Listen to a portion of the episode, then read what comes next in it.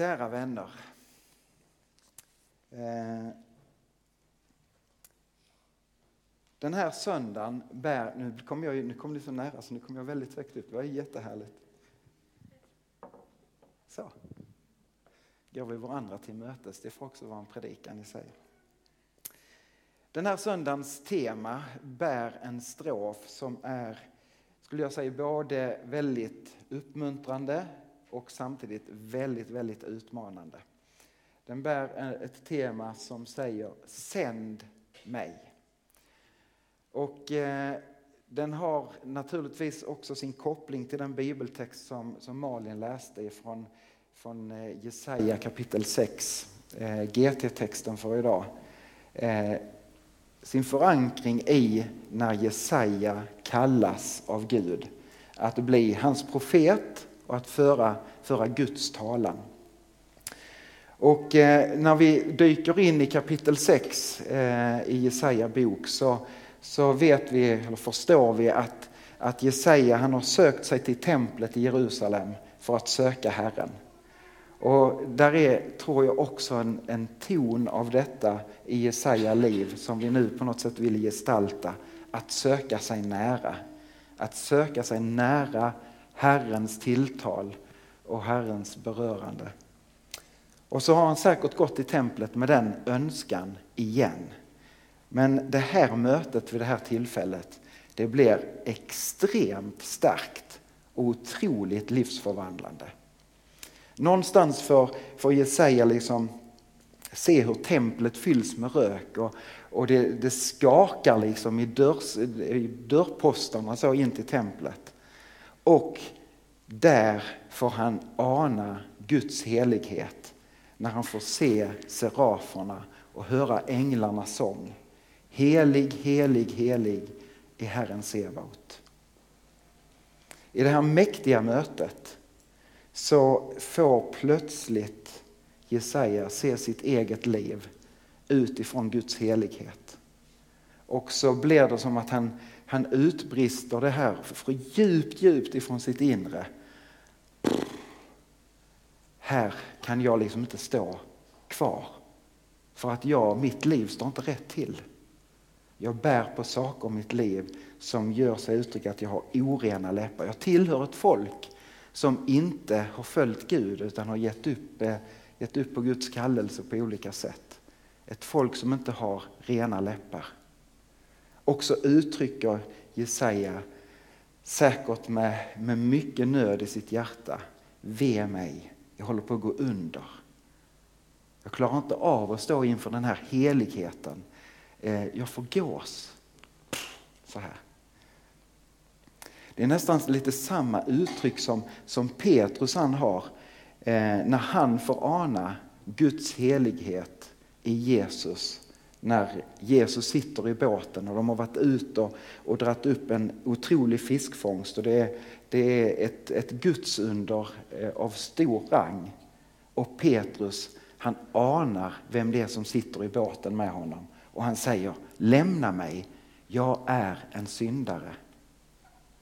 Men Gud möter både Jesaja och Petrus precis på samma sätt som han vill möta dig och mig. Med sin barmhärtighet och med sin vilja att förlåta. Jesaja får sina läppar liksom renade av, av glödande kol ifrån brännofferaltaret. Och, och Petrus får, får möta liksom Guds förlåtelse och i det mötet så blir de sända i ett heligt uppdrag, en helig kallelse. Och där någonstans så får de höra rösten. Var min profet, för min talan. Gå nu och var en människofiskare. Du ska liksom fiska människor och vinna människor in i mitt rike. Liksom rösten både till Jesaja och till Petrus. Och det som då är utmanande för dig och mig idag och samtidigt också uppmuntrande. Det uppmuntrande är att Gud möter oss med barmhärtighet och utifrån sin förlåtelse. Och utmaningen ligger i att kallelsen också går ut till dig och mig. Nästan som, som om, om det är en evig ton ifrån himlen där Gud säger Vem ska jag sända? Vem ska jag sända i den här tiden? Vem ska jag sända in i de här situationerna? Och så är frågan till dig och mig. Har vi den villigheten som Jesaja hade? Att utifrån förlåtelsen få räcka upp handen och säga Här är jag. Sänd mig. Använd mig. Är du beredd att dra på dig den där, de där som vi kallar villighetens skor? Som Paulus han talar om när han talar om Guds vapenrustning i Efesierbrevet kapitel 6. Där han talar om frälsningens hjälm och sanningens bälte och rättfärdighetens pansar och så vidare. Och så kommer också härligt munspel i den vapenrustningen. Nej. Och så kommer också det där som man sätter sig på sina fötter. Och sätt som skor på era fötter villigheten att gå ut med budskapet om fred. Där har vi ett, där har vi ett uppdrag, en kallelse. Att gå ut med budskapet om fred. kan man då fundera, hmm, ska man då söka sig till FN och söka en FN-tjänst och åka ut i någon här krigszon och medla? Eh, det kan vara viktigt i sig, men vi behöver inte åka långt. Att kämpa för freden, den är alltid lika viktigt. Så om det kommer ner på, på nivå bara människa, människa. Men jag tror ändå inte det är den freden som Paulus bara talar om, utan han talar om den djupaste freden som en människa kan uppleva. När han talar om villighetens skor. När Jesus han är på väg in i Jerusalem, palmsöndagen, rider ner för Olivberget. Så när han kommer fram och får liksom se Jerusalem framför sig, se staden, så faller han i djup gråt. Och, och i gråten så uttrycker han så här. Om du denna dag hade förstått också du vad som ger dig fred, men nu är det fördolt för dig. Och så går Jesus in i påskveckan. Och så talar han om sig själv.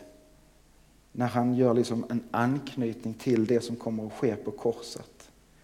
Där talar nämligen Jesus om den djupaste freden som en människa kan uppleva. Den freden som, som Gud själv, Jesus själv, ordnar med på sin död på, sin kors, på korset. Det är det budskapet som Paulus talar om.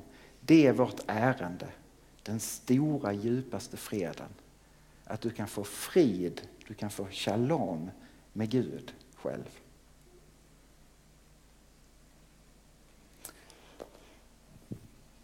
Jag kunde inte låta bli att ta med mig de här skorna. De står där hemma i väntan på att få nya fötter i sig. Jag undrar vem det är som ska få trampa de här skorna. Eh, men samtidigt, så, de här har jag ju aldrig haft, men man kan ju tänka tillbaka. Tänk när man hade sådana här små söta fötter. Helt underbart. Och sen så jämför man då, man ska ju inte jämföra men ibland är det bra. Se. Det går liksom inte att pressa på. Jag har fått större fötter. Jag har fått köpa större skor. Och det blev för mig en liten predikan i veckan när jag tänkte på detta att jag önskar mig större fötter. Så att jag behöver större villighetens skor. Jag önskar mer i mitt eget liv av detta uppdraget. Eh, så att jag behöver klä mig i större skor.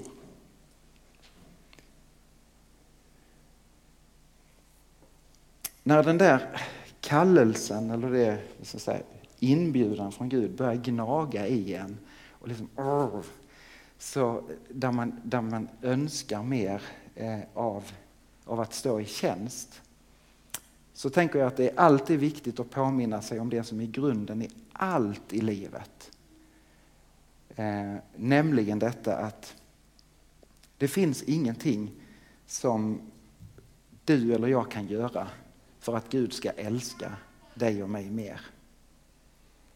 Att liksom be och önska sig större villighet än skor, det är inte en väg till att bli älskad av Gud.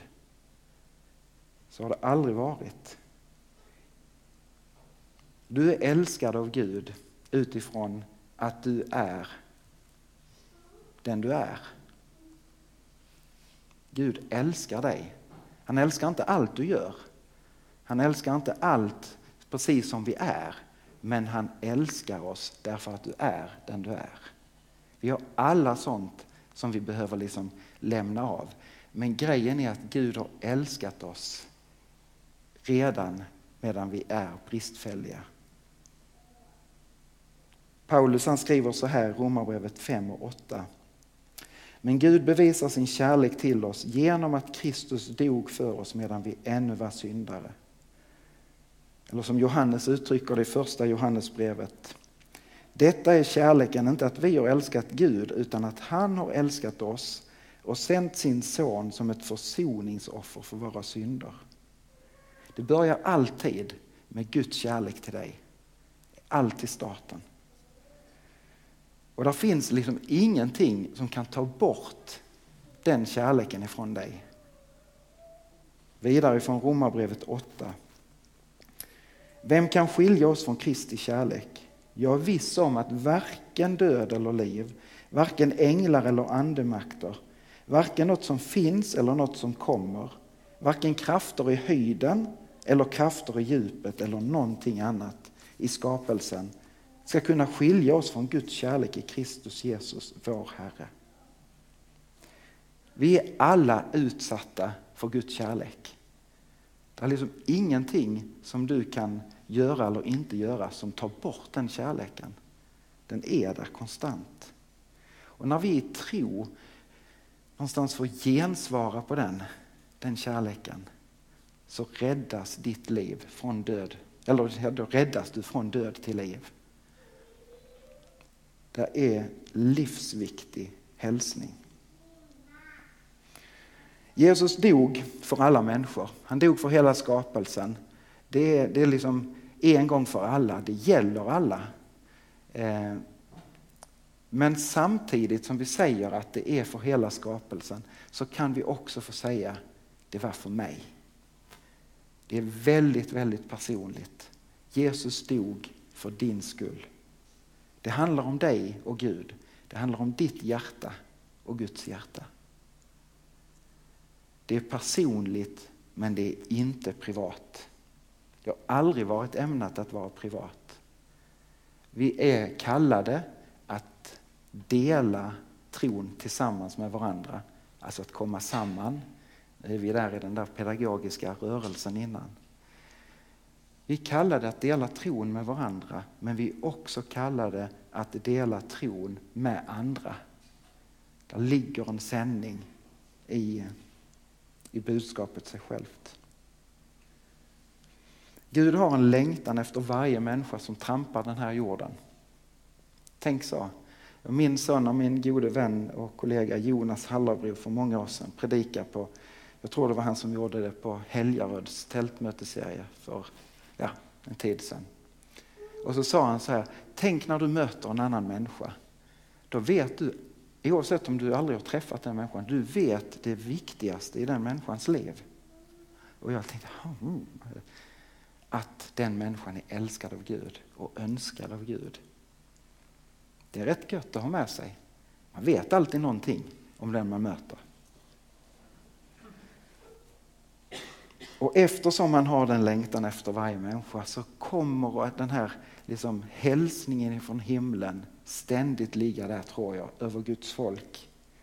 Ta på dig villighetens skor och gå ut och ge vidare det som du har fått som gåva. Inte för att jag ska älska dig mer, säger Herren, utan för att jag älskar alla de som du möter. Så ligger uppdraget där, väl förankrat i Guds ord, i, i hans hälsning genom alla tider men också in i vår tid. Gå ut och gör alla folk till lärjungar.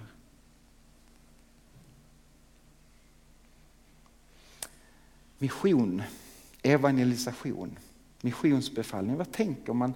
Det är lätt, visst är det lätt att man tänker det är långt borta, det är någon annanstans. Det är för någon annan helt okänd. Nu ska jag hitta på att hitta någon som jag aldrig någonsin har pratat med och så ska jag dela min tro. Varför tänker vi lätt så? Ni gör inte det, men jag kan tänka lite så. Varför är det så? Eh, jag tror inte man ska göra så. Man kan, om vi bara gör jämförelsen. Om du tänker att du skulle till att köpa en ny bil. Eller något annat värdefullt. Så. Eh, vem skulle du gå och rådfråga? Antingen så kan man ta fram sin mobil och prata med den där väldigt opersonliga Siri. Eh, eh, vad, vad, vad gäller nu här? Eller så, nej jag tror inte man gör det. Man frågar gärna någon som man känner och som man har ett förtroende för. Eller om man vänder på det. Där är vi kanske också olika. Eh, men jag fungerar så här, när det ringer en, alltså min familj, de får verkligen säga till mig på skarpen. Var inte så otrevlig pappa när det ringer en försäljare. Jag får träna i att försöka avvärja de här på ett vänligt sätt. Eh, och utan att göra mig lustig över deras uppdrag. Så. Men åh, det är svårt. Så ringer de så och så säger nej jag är inte intresserad. Eller om någon helt okänd kommer fram på gatan och ska lämna över någonting. Och här har du ett erbjudande om någonting. Jag är sån, eh, undviker gärna blicken, tittar bort och så, nej tack, jag ska inte ha. Är det någon som känner igen sig? Nej, det är bara, jag talar till mig själv här. Eh, men skulle en god vän komma till mig och säga, du jag har det här, det här skulle jag vilja dela med mig av. Där förtroende har byggts upp över tid, då tar jag mig mycket mer tid att lyssna än på den där helt okända.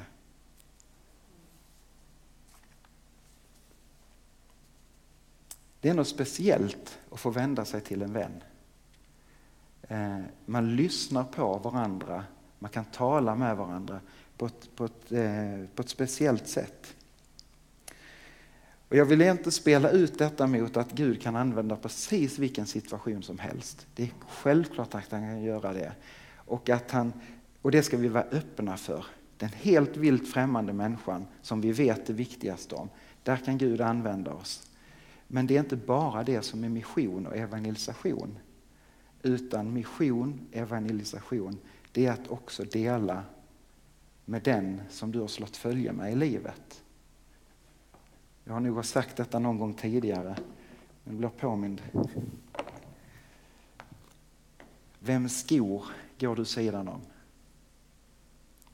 Vems skor slår du följe med på något sätt? Så är det en människa där. Vem, vad, vilka vänskaper har du fått som, som, där det har byggts förtroende, där det också har getts en möjlighet att få tala kanske in i varandras liv på ett speciellt sätt? Jag eh, kommer ihåg ett sånt här tillfälle. Eh, det är nu några, rätt så många år sedan, så att, men det är ändå ett tillfälle som har satt sig hos mig och som jag önskar att Gud ge mig fler sådana tillfällen eller ge mig modet att gå in i sådana tillfällen oftare.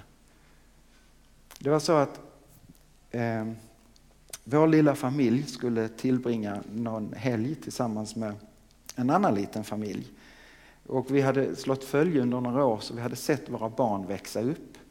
Och så satt vi i en liten stuga någonstans och eh, fruarna var ute på någonting på kvällen eh, eller skulle komma upp senare till den här stugan i alla fall.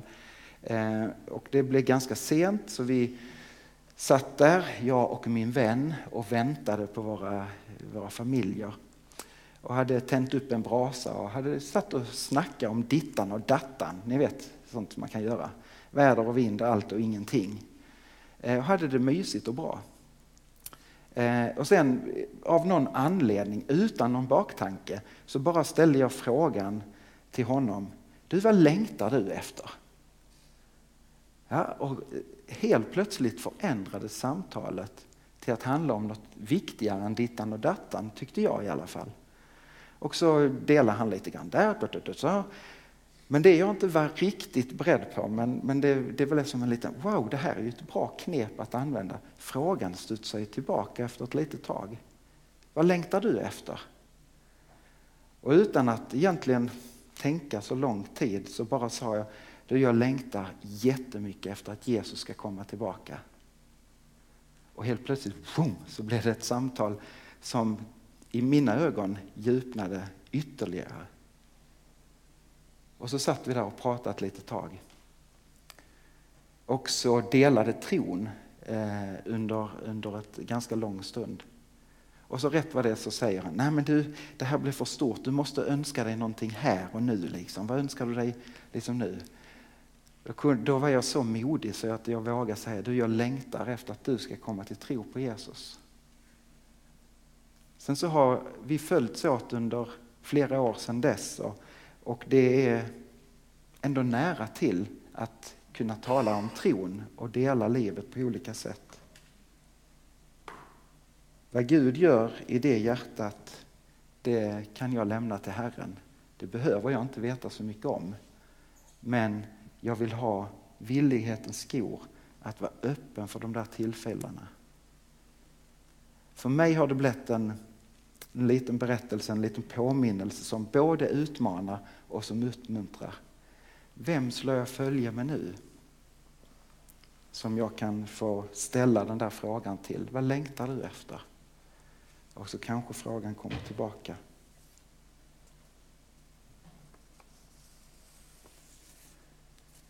Så frågan som du får gå hem med ikväll. Hur går du? Och vart går du? Och med vem går du? Vem, vem är din vän som du kanske får tala med? Kanske Gud vill påminna dig om någon ikväll som just det, det är ju den här personen som jag skulle be för. Be också om tillfället att få dela tron. Att få vara någons vän är en stor gåva, men att få vara Jesu vän det är den absolut största gåvan. Jesus han säger så här. Detta har jag sagt er för att min glädje ska vara i er och er glädje ska bli fullkomlig. Mitt bud är detta att ni ska älska varandra så som jag har älskat er. Ingen har större kärlek än den som ger sitt liv för sina vänner. Och ni är mina vänner om ni gör vad jag befaller er. Jag kallar er inte längre tjänare, ty en tjänare vet inte vad hans herre gör. Jag kallar er vänner, därför att jag har låtit er veta allt vad jag har hört av min fader. Ni har inte utvalt mig, utan jag har utvalt er och bestämt er till att gå ut i världen och bära frukt. Frukt som består och då ska Fadern ge er vad ni än ber honom om i mitt namn. Detta befaller jag er, att ni ska älska varandra. Vem ska jag sända?